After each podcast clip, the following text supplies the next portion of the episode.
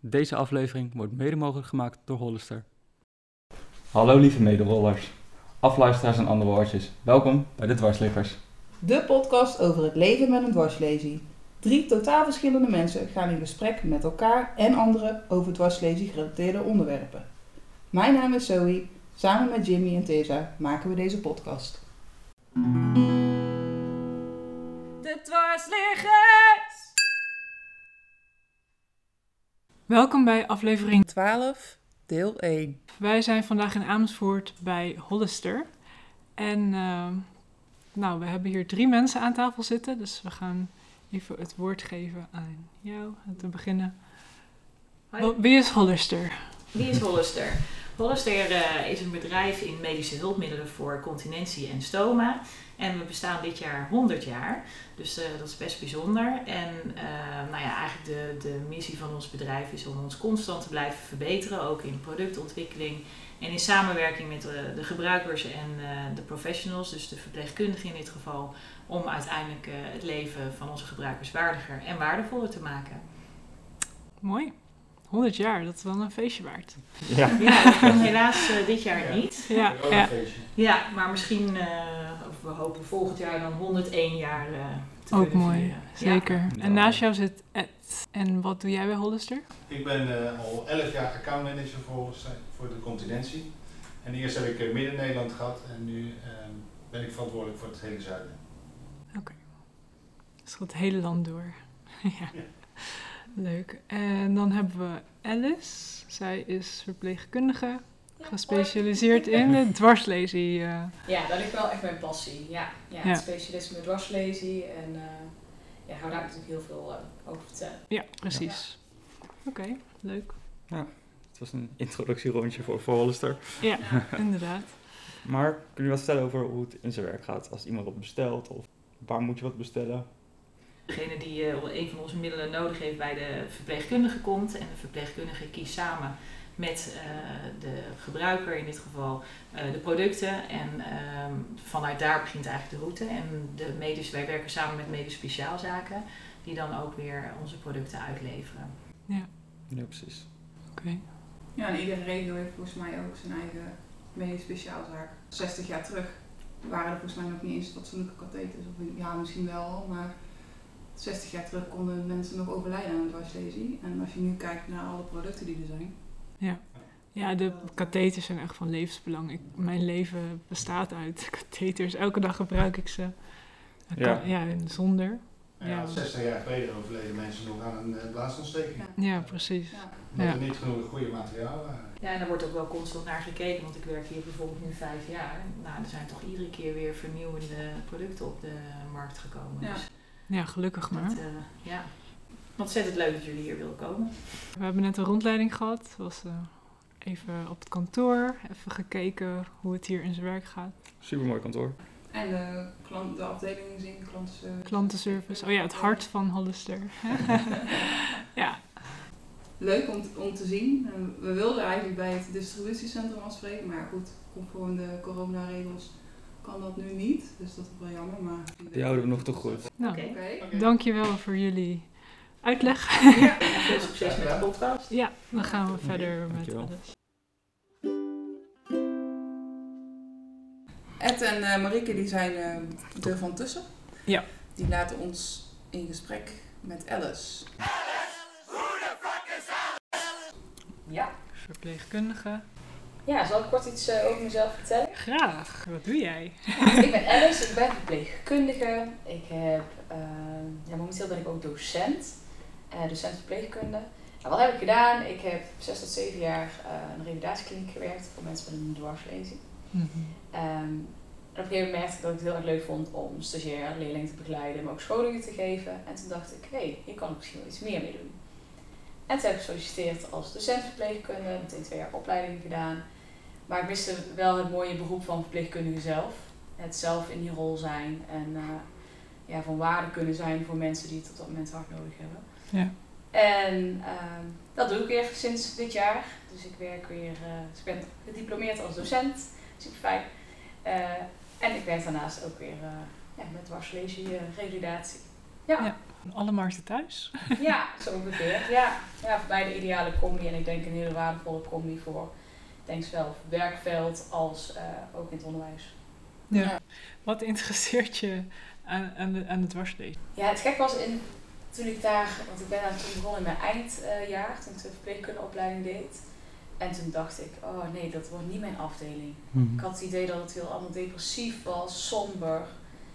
Ik dacht zelf ook heftig, ook een beetje opkijken tegen de emoties die je tegen zou komen. En je bent nog relatief ook jong. We zijn nog steeds allemaal jong natuurlijk, maar dan dacht ik, oh god, ik weet niet of dat wordt. Maar het is heel goed bevallen en met name omdat eh, het is een heel interessant specialisme.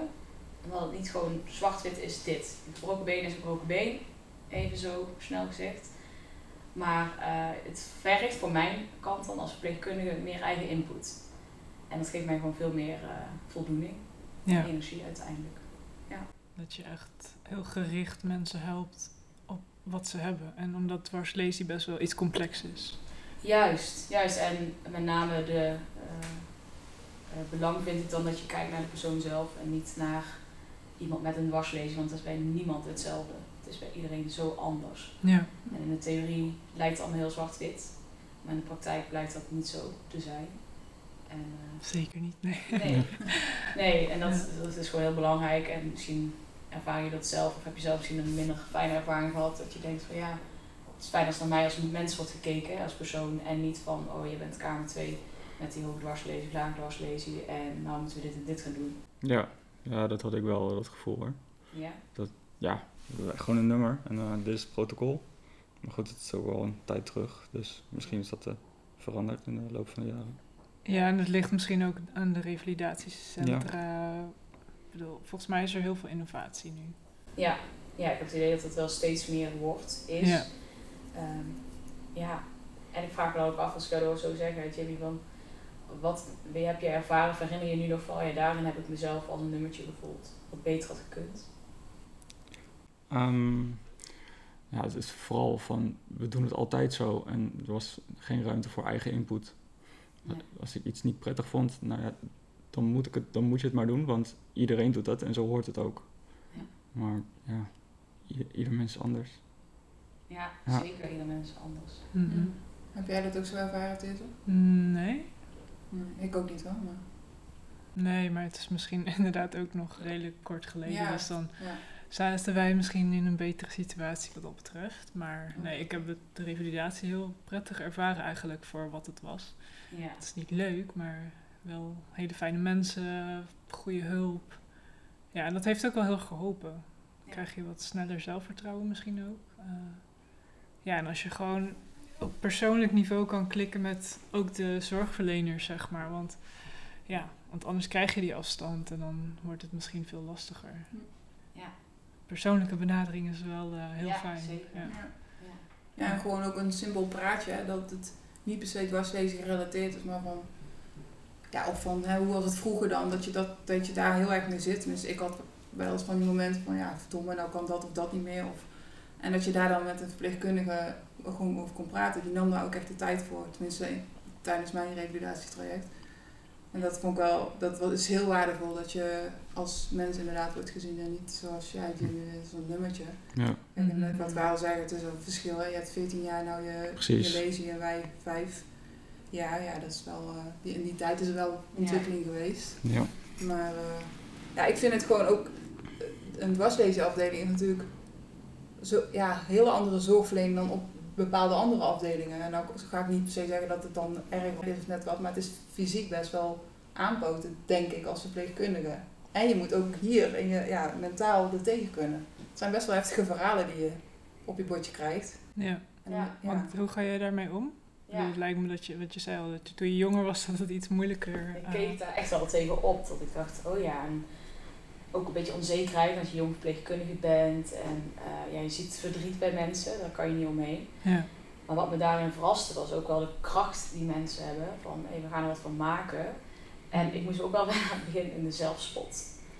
Dat, dat, dat, eh, ja. dat, ze, zei- dat ik zei, oh kom loop even mee, dan gaan we naar die ruimte. Ik kan nu lopen. En dan dacht ik, oh ja shit. Hè? ja, dan voel je je bezwaard. Ja, ik voel heel bezwaard over. Terwijl als ik dat daarna vroeg, oh sorry dat ik dat zei, was het, oh nee, weet je wel, geen probleem. Maar dan word je pas bewust van hoe makkelijk je dan iets zegt, Ja. zonder dat je direct daar misschien op dat moment bewust van bent. Dus daar heb ik nu wel wat meer. En het is fysiek wel zwaar.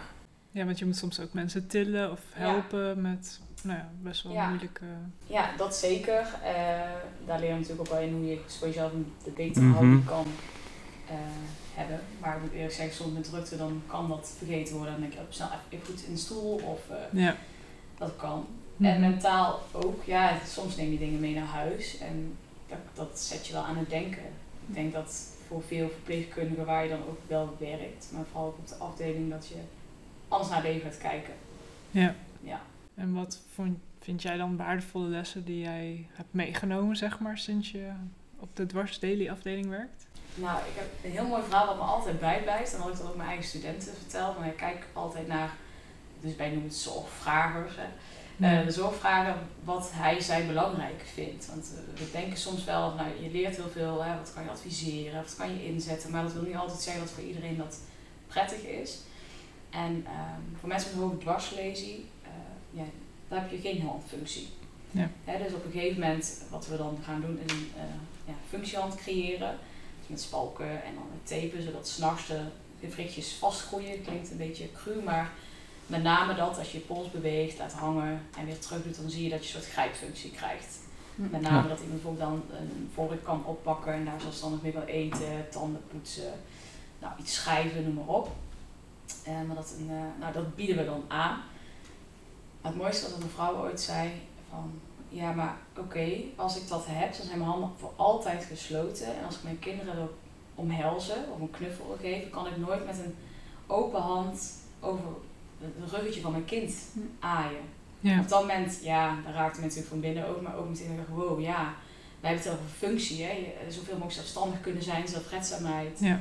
Eh, heel hot item in de zorg, denk ik. Mhm. Eh, maar toen zeiden zij, dacht ik, oh wauw, ja, hè.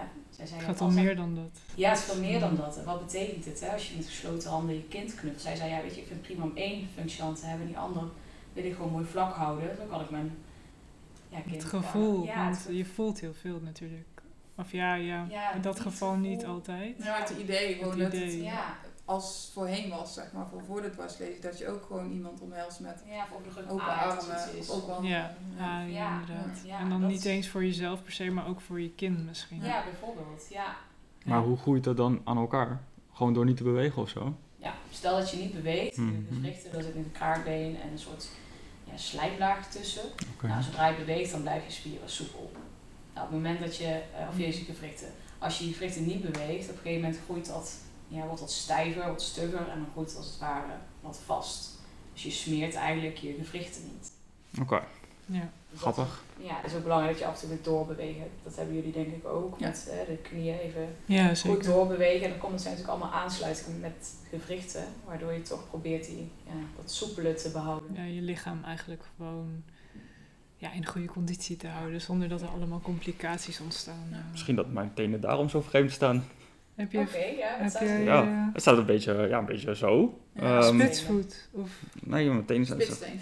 het staat een beetje gebogen allemaal zo. zo. Omdat ik denk ik altijd zo in mijn schoen prop. Ja. Ja, propjes Ja. in de schoen zo. Ja. Ja. En dan, ja, ik kan ze niet trekken, dus het blijft zo staan de rest van de Maar dag. voel je nooit Ja. na? Ik heb, ik heb het echt geleerd tijdens de revalidatie om mijn schoen zo altijd eerst de binnenkant van mijn schoen te checken of er niet iets in zit, iets hards of zo. Mhm. En dan mijn schoen erin en dan daarna voelen of mijn tenen goed zitten. Hoe voel je of je tenen goed zitten? Ja, Buitenkant. het drukken Oh. zeg maar, dat, ze, een beetje- dat je weet dat ze zo naar ja, vooruit zitten. Nee, ja, dat heb ik dus nooit gedaan, maar Nee. Nee. Maar nu, voel- als ik nu voel, dan staat het gewoon ja, gebogen.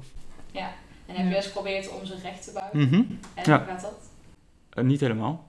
Nee. Nee, ik, ik moet er best wel hard op trekken, maar ik ben bang dat ik ze breek. Ja, het gaat Ja. niet aan het Nee. Maar het is wel een, een uitdaging om nagels te knippen dan. Ja, Ja. ja. Ja. snap ik, want ze staan weer naar beneden. Ja.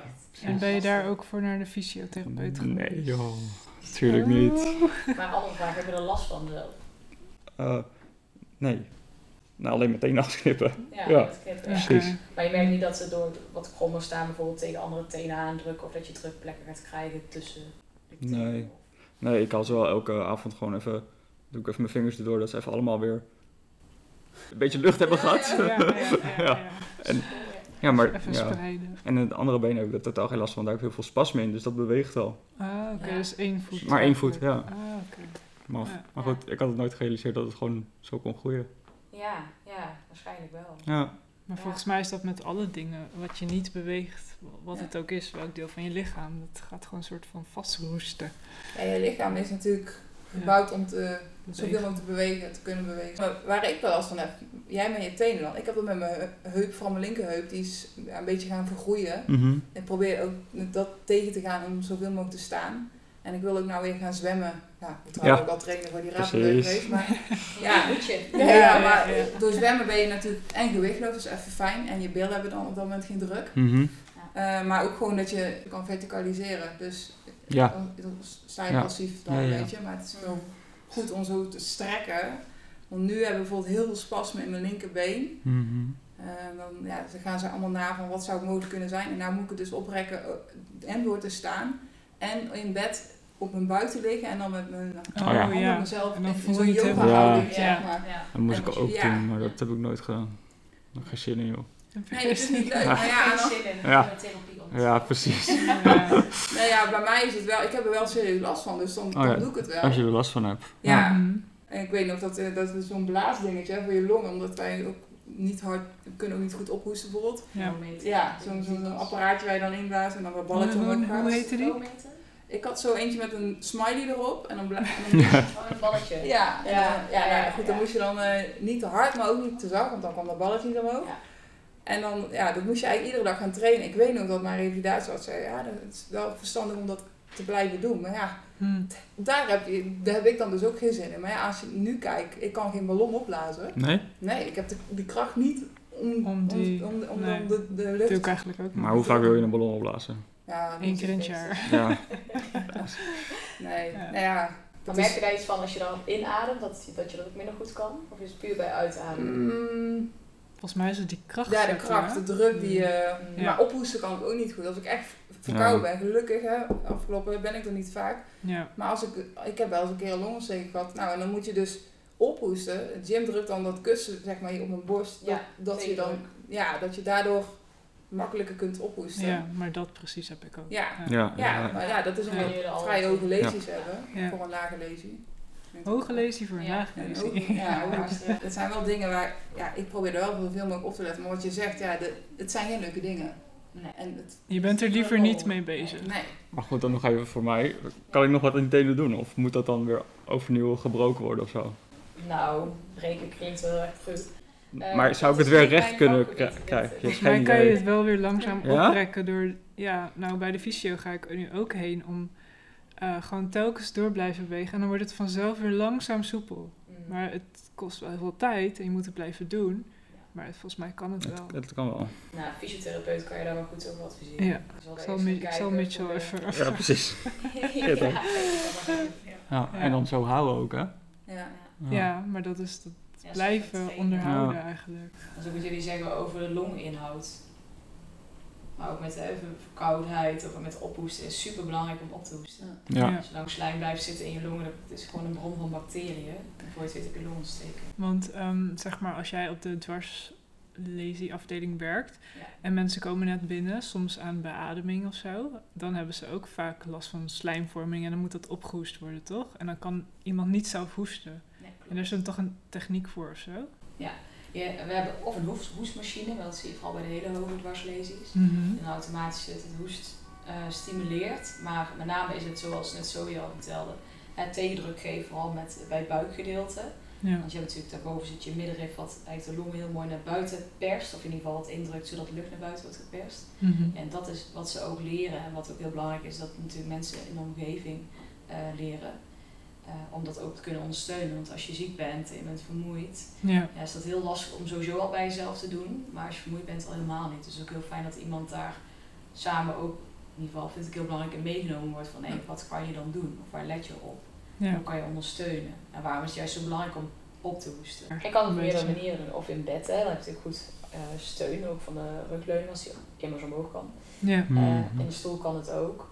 Eh, Maar ja, wel belangrijk om natuurlijk wel één hand achter te houden bij de rug. Niet dat het je zo hard duwt. Dat, eh, Dat iemand naar achter Ja. valt. Nee. ja, dat is niet de. En hoe ziet jouw werkdag eruit? Eh, nou, de zomer begint, s ochtends binnenkomen, we starten om 7 uur. Meestal zijn alle colleges iets van tevoren. En we hebben een, eh, een dagstart. Natuurlijk, goh, eh, we hebben ook stagiaires willen iets gaan doen. Eh, dan gaan we starten met inlezen, krijgen we een nachtdienstoverdracht voor bijzonderheden. De rest lezen we in. Eh, bij onze afdeling wordt verdeeld. Dus we hebben onze eigen verantwoordelijkheid voor een, eh, een groep patiënten, zoals we dat dan noemen. Vinden jullie dat eigenlijk een raar woord, patiënt? Mm, Als je in een revalidatiecentrum of in het ziekenhuis ligt, niet. nee. Daarna eh, Ja, wel. daarna Ja, voel je meer een Ja. cliënt of Ja. een... Ja, Ja, revalidant zeggen we eigenlijk. ja, Ja. precies. Ja, revalidant, zorgvragen. Zorg. Eh, ja, dan ga je s ochtends eh, naar de kamer toe. Ik ben altijd best wel rustig in de ochtend. Het kan heel druk zijn voor mezelf. Maar ja, ik zou zelf niet van gecharmeerd worden als iemand... eh oh, goedemorgen, kom maar, Ja. Gordijn open, Ja, grats. precies. Nou ja, ik dat, doen sommige Ja. Ja, dat is, Ja. dat is natuurlijk vanuit goed bedoeld, ze even positief, we gaan er tegenaan. Ja. Maar eh, ja, zorg dat je, en daar hebben we het uiteindelijk ook wel over, hè, wat vind je zelf prettig in de ochtend. En naarmate je iemand beter leert kennen, dan eh pas je ja, een beetje het aan. meer van nature. En eh, Ja. ja, ja, de eerste week is altijd volgens mij een beetje ja, aanvoelen of zo. En als Ja. iemand er al drie maanden ligt, dan weet je wat iemands voorkeuren zijn. ja, Ja, het is wederzijds, hè? Vanuit, Ja. vanuit de zorg, maar ook vanuit... Je krijgt toch een bepaalde band met de zorgverleners, tenminste. Ja. Mhm. Ook. Je hebt ook, Ja, ik, ja, ik had wel een paar bij dat ik dacht, oh die vind ik wel, daar, daar heb je gewoon een goede, betere klik mee dan sommige Ja. anderen. Eh, maar en sommige zijn wat serieuzer of zo. En, Ja. Daar tasten, wij als zorgvragers, Ja. zegt, eh, op af, zeg maar, op de zorgverlener. Ja. En je zei net ook qua voorkeuren. En merk je dan dat je bijvoorbeeld voor bepaalde dingen een andere zorgverlener kiest? Ik word je net al zeggen van, nou ja, dat iemand die serieus is, zou je daarvoor met een andere vraag naartoe gaan dan bij iemand die je weet, oh, die is wat losser. Nou, dat is met eh katheteriseren. Dus vroeger toen wil je een, vind je het erg als je een man krijgt? Ja. Dat hebben ze toen wel Voor gevraagd. uitleg eh, over het katheteriseren. Nee, om het ook. In het begin kan je dat nog niet zelf, dan moet, Ja. wordt dat bij je gedaan. Ja. Eh, ja, dat was heel raar überhaupt. Maar ja, ehm, ja, die vraag kreeg ik toen wel. Denk ja, ik. dat is belangrijk. En dan kan je aangeven of je alleen een vrouw of alleen een man wil. Of, of dat het Ik je die niks optie niet. Nee, had je Oh. nee. iedereen alles eh, Ja. kwam eh, aan jou. Maar hoe vond je dat? Had je wel een voorkeur willen hebben of een, of een keus? Nee joh, dat maakt me niet zoveel uit. Als Wel maar met- gewoon de zorg verlenen, zeg maar. Ja, wel Maar- toen ik met een seksoloog ging praten, heb ik wel gevraagd om een vrouw. Oké. Ja, En voor waar je voorkeur voor een vrouw? ja praat wat makkelijker. Ja, ja. Ja. Mm. Ja, oké. Maar zeg maar, eh, weer even terug naar Alice. Ja. zeg maar, jij, je bent zeg Oh ja, maar de dag. dan de dag. Oh ja, de dag. Dus dan ja, je begint.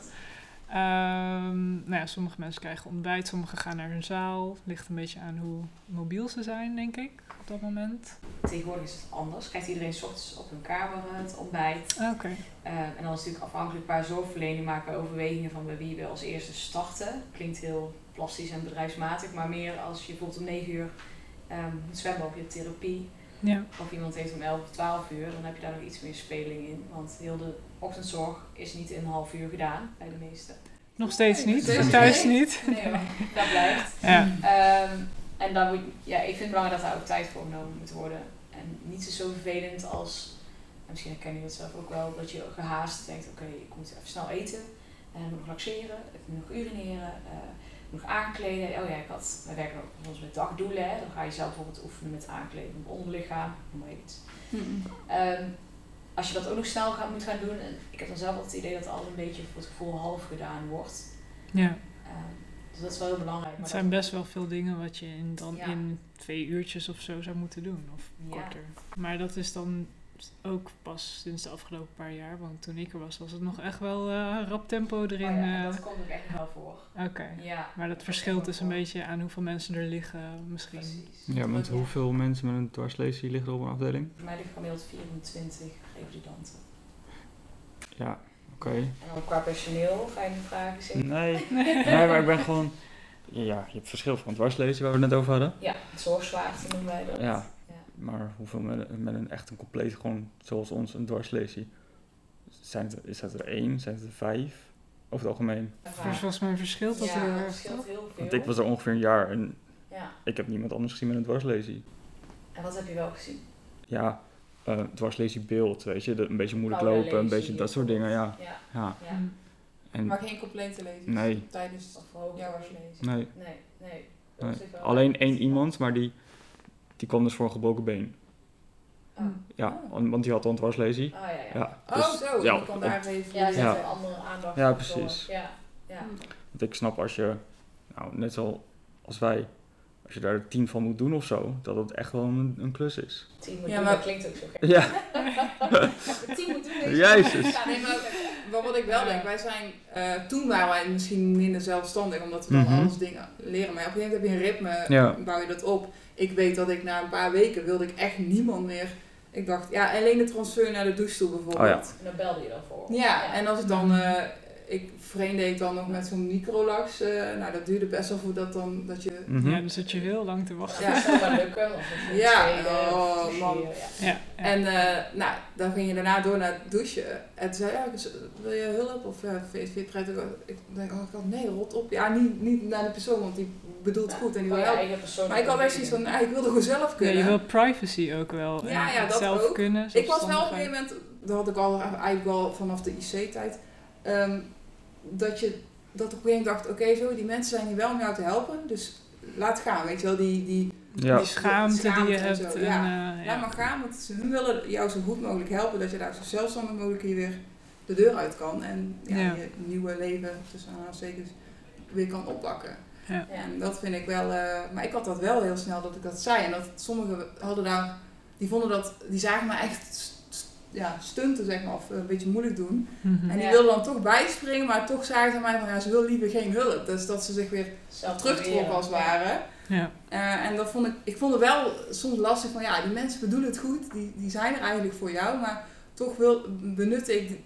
die hulp niet altijd. Eh, en Nee, dat vond ik wel misschien ook lastig om wel- aan te geven. Bij sommige Ja? verpleegkundigen had ik er wel van, oh ja, ja, sorry, daar nemen ze het persoonlijk op, maar ja, dat bedoel ik weer niet. Nou, Heb je wel eens gevraagd wat iemand daarvan vond, als je zelf dat idee had? toen niet. Nou, nou eigenlijk nooit niet. Nou, achteraf ook niet. Maar Nee, dat denk je pas ook nu over na, nu je Ja. het erover hebt of zo. Dat je denkt, ja, Ja. waarom heb ik dat toen niet gevraagd? Maar dan zit je zo in een andere modus. ja, het is wel mooi dat je dat benoemt, want ik heb dat op momenten ook bij mezelf dat ik dan wel echt ken van, oh ja, je wil zo heel snel wil je iets helpen en als verpleegkundige dan handen op je rug te staan, zoals ze dat zeggen.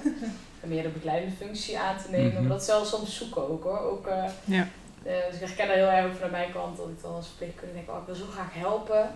Oh nee, ook zelf proberen. ehm, Mhm. en ik denk dat daar natuurlijk belangrijk is om aan te, ja, met elkaar, en dat is soms lastig om aan te geven van wat vind je op dat moment wel goed of fijn. Of, dat is ook wel even, denk ik, heel belangrijk. Dat je het ook al bijna zoekende in, hè? want Ja. je mag gewoon proberen. Dus ik ga gewoon dan bellen als ik het wel. Ja, ja, dat deed ik op een gegeven moment ook wel. Ja. En dan, Ja. dat, ja, van is ook wel fijn juist hoe duidelijker jij bent.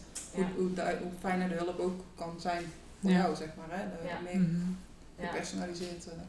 Ja, en dan heb je nog een stukje Ja. veiligheid. Hè? Want eh, ik herken ook eh, de revalidant die dan misschien wat minder ziet in zicht. Of ja, ziet in zich noemen we dat. is niet ja, een aandoening. Eh, maar die dan bijvoorbeeld heel makkelijk gewoon zelf meteen de transfer maken. Zou denk ik, oké, super stoer, maar wel met in mijn achterhoofd, ja, oké, heb je opgelet? Eh, hè, waar gaan de billen overheen bijvoorbeeld even? Hè? Waar Schuur je ergens langs? Of, dat is dan wat je wel heel graag mee wil geven. Het bewustzijn van Ja. de risico's. Ja, en dat is dan wel wat je graag Ja. ook. Ja, het zou een gemiste kans zijn als je denkt, oh fijn, iemand doet het al, prima. Gewoon Zo laten. Mhm. Hè, kan ik weer even verder, even. Ja. Maar eh, nee, dat is wel echt heel belangrijk. Maar dat is soms zoeken. Ja. ja, dat kan ik me wel voorstellen. Ja, en volgens mij doet iedereen het ook wel anders. Iedereen, maar dat vind Ja. ik dus aan mijn werk heel erg mooi. Ja. En Ja, drang komt natuurlijk. ergens vandaan. En ik denk ook, eh, wat jij net zei, zo van. Ja, dan eh, ja, dacht ik soms van, oh, dan vinden ze dat vervelend. Of dan heb je misschien voor jezelf van, oh, dan heb ik misschien heel kort gereageerd van, nee, laat me maar even. Ja, ik ben een type die heel erg dan denkt, ja, dat komt gewoon ergens vandaan. Ja. Ik, ik zou eigenlijk denken, heel veel verpleegkundigen hebben dat, of zorgverleners überhaupt. Ehm, kijk, er zijn allemaal mensen, we hebben allemaal een keer een slechtere dag. Dan ben je gewoon meer emotioneel of boos of wat dan ook. Mhm. Nou, laat staan dat je bij ons op de afdeling ligt in een heel hectische tijd van je leven. Ja, Heb je veel slechte dagen? ja precies. En, en dat is niet alleen wat je ook bij, bij revalidanten ziet, maar ook zo bij familie. En Mhm. ja, je bent daar dan als luisterend oor en begeleiding. En nou, als ik bij elk moment dat ik iemand emotioneel of misschien wat bozig heb gehoord of gezien, had moeten denken, oh, ligt het aan mij? Dan was ik heel ongelukkig in mijn werk. Ja, precies. Je moet Ja. dat wel kunnen loslaten of los kunnen zien van dat is niet naar jou persoonlijk gericht. Nee, en ook bespreekbaar maken. Ja. Ik weet nog, Veen hadden vier persoonskamers. Nou, Ja. denk je, ik weet niet of jij dat kent. Ja. Ja, dat is niet heel fijn. Ik heb vier persoons, eh, drie persoons, twee persoons, één persoons. Ja. Ja, ik heb ze allemaal gehad. ja, wat was je voorkeur? Één persoons. Ja, Ja. ja. dat is Ik denk dat iedereen dat eh, heeft. Ja. Ja. maar toen ik daar ook kwam was vier persoons en ik weet dat kregen we een nieuwe eh revidant als opname. En ja, die, die schrok daarvan. Die dacht, ik moet hier op een vierpersoonskamer, eh mixie-defecatie gaat niet goed. Wat? En wat? Mixie, het urineren. Oh, En mixie. defecatie is ontlasting. Oh ja, sorry. Ja, ja, ja, ja. Mixie, het urineren. Eh, en defecatie, de ontlasting. Ja. Eh, ging niet goed en eh, ze lag nog op de brancard en ze kwam de afdeling op en ze zei van, ik ga dit niet doen. Breng me maar terug, ik wil hier niet zijn. Mhm. Ja. Snap ik. Ja, en, en ja, ik kon er ook heel iets bij indenken, maar ook collega's zeiden, oeh, dit is wel heftig. En dan zei ze, Alice, ga jij maar, weet je wel. Oh. Ehm, ja, ik vind het juist heel fijn dat iemand daar de ruimte in krijgt. En eh, toen ben ik een gesprek aangegaan met haar. En het was gewoon te veel. Een dag is te veel. Je maakt transfer naar een revalidatieafdeling waar je niemand kent. Dat moment was er voor haar nog geen familie bij. Die kwam nog erachteraan, zeg maar. Dus dat is en en en. Uiteindelijk vond ze de opvang wel fijn en was het oké. En het was op een gegeven moment ook wel toen twee persoons en één persoonskamers. Zo van, oké, hè, als er straks mogelijkheden zijn, dan schuif je door en heb je ook gewoon iets meer privacy. Ja. Maar eh, Klinkt, Ja. klinkt als mij. Klinkt het als jou? Ja. Nee, je bent het niet. Ja, oké. nee. Maar volgens mij, zo voelde ik Ja. me ook. Dat ik er binnenkwam en dan word je ergens in zo'n kamer en dat je denkt, nee, meer mensen. Oh nee, dat, Ja. ja. Ja. dat is echt wel... Kijk je je buurman, buurvrouw aan en dat je denkt, Ja, maar je, je ziet dan een soort spiegelbeeld of zo. Want dan kom je daar als... Oh ja. Dat vond ik een beetje. Want ik kwam toen op een gegeven moment bij een andere vrouw op de kamer. Ze was echt super aardig en zo. Maar ik ging mezelf vergelijken en zij kon meer. Toen dacht ik, oh, dat kan ik niet. Oh, dat is niet goed. En dat vond ik heel vervelend aan mezelf. Maar dat, weet je, als ik misschien op een kamer had gelegen waar ik alleen was, dan had ik dat eigen niet van ik moet meer, ja. Ja. Ja. Dus Ja. Dat, dat was gewoon heel confronterend wel. Ja. Ja. Ja, en ook gewoon eh, de privacy, zeg maar. Dan hadden ze af en toe van die schotjes of van die Van die gordijntjes. gordijntjes ervoor. Ja, ondertussen had je wel eh, bijvoorbeeld een keer je broek vol en dan word je geholpen door een verpleegkundige.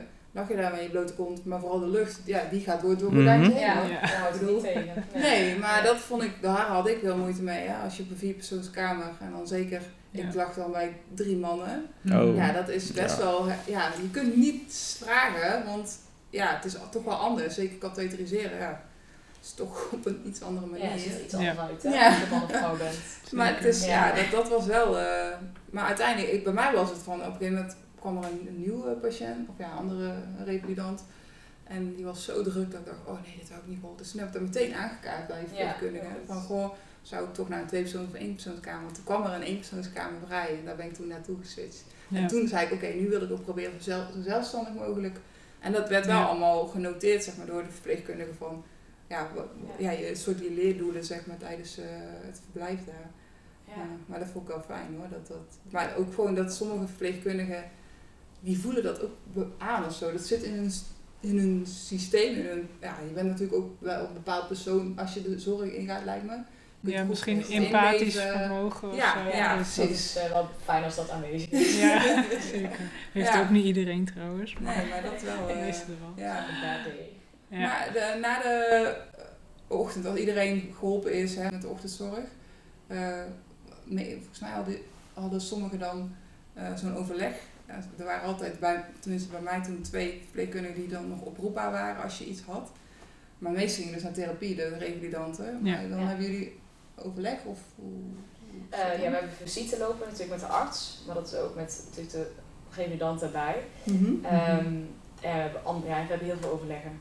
Gewoon met multidisciplinair, eh, maar dat kan ook gewoon met een, een afspraak zijn tussen de zorgverlener en de revalidant. Kan ook. Eh, kan ook met de collega zelf zijn, met een leerling. Maar ook heel vaak dat je dan eventjes ging pauzeren en daarna weet je wat, oh, er komt iemand terug van het zwemmen. Mhm. Nou, dan ga je dan weer verder. Ja. Dus gaat, je gaat altijd door als verpleegkundige. Ja. Groot verschil in de twee beroepen die ik nu heb. Als verpleegkundige loop je continu bij je continu druk, zit ik weinig. En in het onderwijs sta ik nu gelukkig ook wel meer voor de klas. Ja, er een altijd wat te doen. fysiek, Ja, ja. ja, Ja, ja. zeker. Maar je hebt geen nachtdienst of zo? Ik nu niet. Toen Nee, ja, precies. Ja. Ja. Ja. Ja, Dus die lijken me ook wel zwaar. Toch? ja, daar reageert iedereen heel anders op. Hm. Ja, de ene vindt het heel fijn.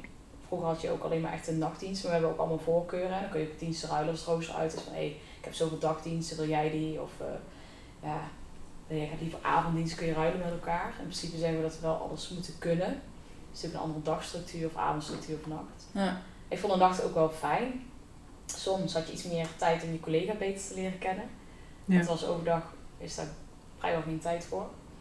En ja, ja avond is het ook wel meer hoor. Nee, ik vond nachten eigenlijk ook wel gewoon fijn. Of dat zijn ook wel de momenten dat het soms ook echt tijd had om bijvoorbeeld een half uur of een uur gewoon bij een revidant op de kamer te zitten s'nachts. Ja, gewoon even die Slapen aandacht en- of zo. Ja, gewoon vertel en eh, Mhm. gewoon er zijn. Dat, Ja. ja. Is heel belangrijk. zeker. En wat zijn de kwaliteiten die zeg maar, een verpleegkundige voor de dwarslesie-afdeling moet hebben, denk jij? Als je kijkt naar je collega's of de, ki- of de mensen die je nu opleidt, wat, wat voor kwaliteiten moet je hebben? Want Oh, heel veel. heel Het kan duizend poot zijn. Maar ik vind ook wel dat iedereen heeft zijn eigen kwaliteit. Het blinkt ergens uit. Hm. Eh, als ik kijk naar mij, ik, weet- ik ben zelf bijvoorbeeld heel erg gericht altijd op de huid. Ik vind het belangrijk Hm. om ook naar de douche huid in te smeren, body lotion, wat dan ook. Meteen een dubbelcheck van hoe de huidconditie is. Maar ehm, daar ben ik bijvoorbeeld heel op gericht. Maar ik heb ook collega's heel erg gericht juist op het uiterlijk van het gezicht met make-up en zo. Dat heb Een beetje de verzorging. Ja. eh, ja. Zo iedereen dat wel, maar met name inderdaad empathie, heel belangrijk. Mhm. Eh, maar vooral ook, eh, ja, ik vind psychologie ook heel interessant.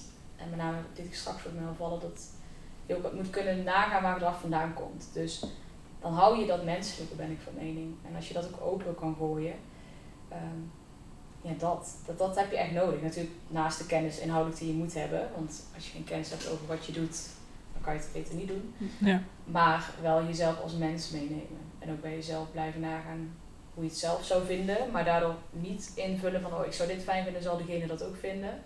Maar daarover blijven praten. Communiceren, toch wel ja, heel belangrijk. communicatie is wel heel belangrijk. Ja, En begrip tonen. Ja, ja dan zal de een wat makkelijker gaan dan met de ander. Maar Ja. Ja, Ja, je zou ook wel vast wel met revalidanten te maken krijgen die gewoon echt niet, je niet liggen en gewoon lastig zijn. En waar je denkt, oh, ga weg of zo. lastig zijn. Zo Nou. Weet je wat het is? Ik, daar geef ik zelf mijn studenten mee, mee. Dan zeg ik, ja, stel, je komt iemand tegen. Dan kan je van het eerste gezicht dat je iemand ziet, kan je eigenlijk jullie ook zeggen, ja, lijkt me een heel fijn persoon. Terwijl dat is helemaal nergens op gebaseerd. Ja. Dan kun je het ook tegenovergestelde hebben. Dat je iemand tegenkomt waarvan je denkt, oh, lijkt me echt niks aan, verschrikkelijk.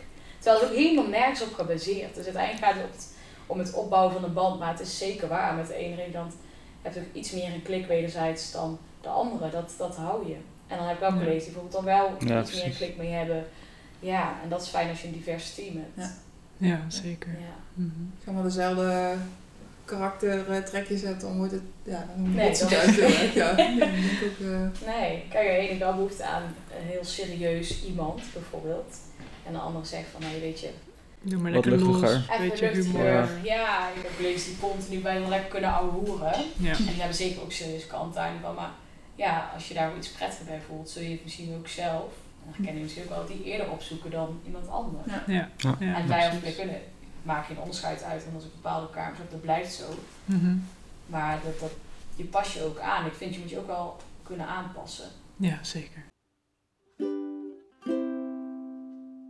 Volgende week in deel 2. Ja, je komt wel echt met mensen in aanraking met, Ja. nou ja, echt lichamelijke dingen. Met Ja. poep en plas. En Ja. de- daar moet je ook wel een beetje tegen kunnen. Deze aflevering werd mede mogelijk gemaakt door Hollister.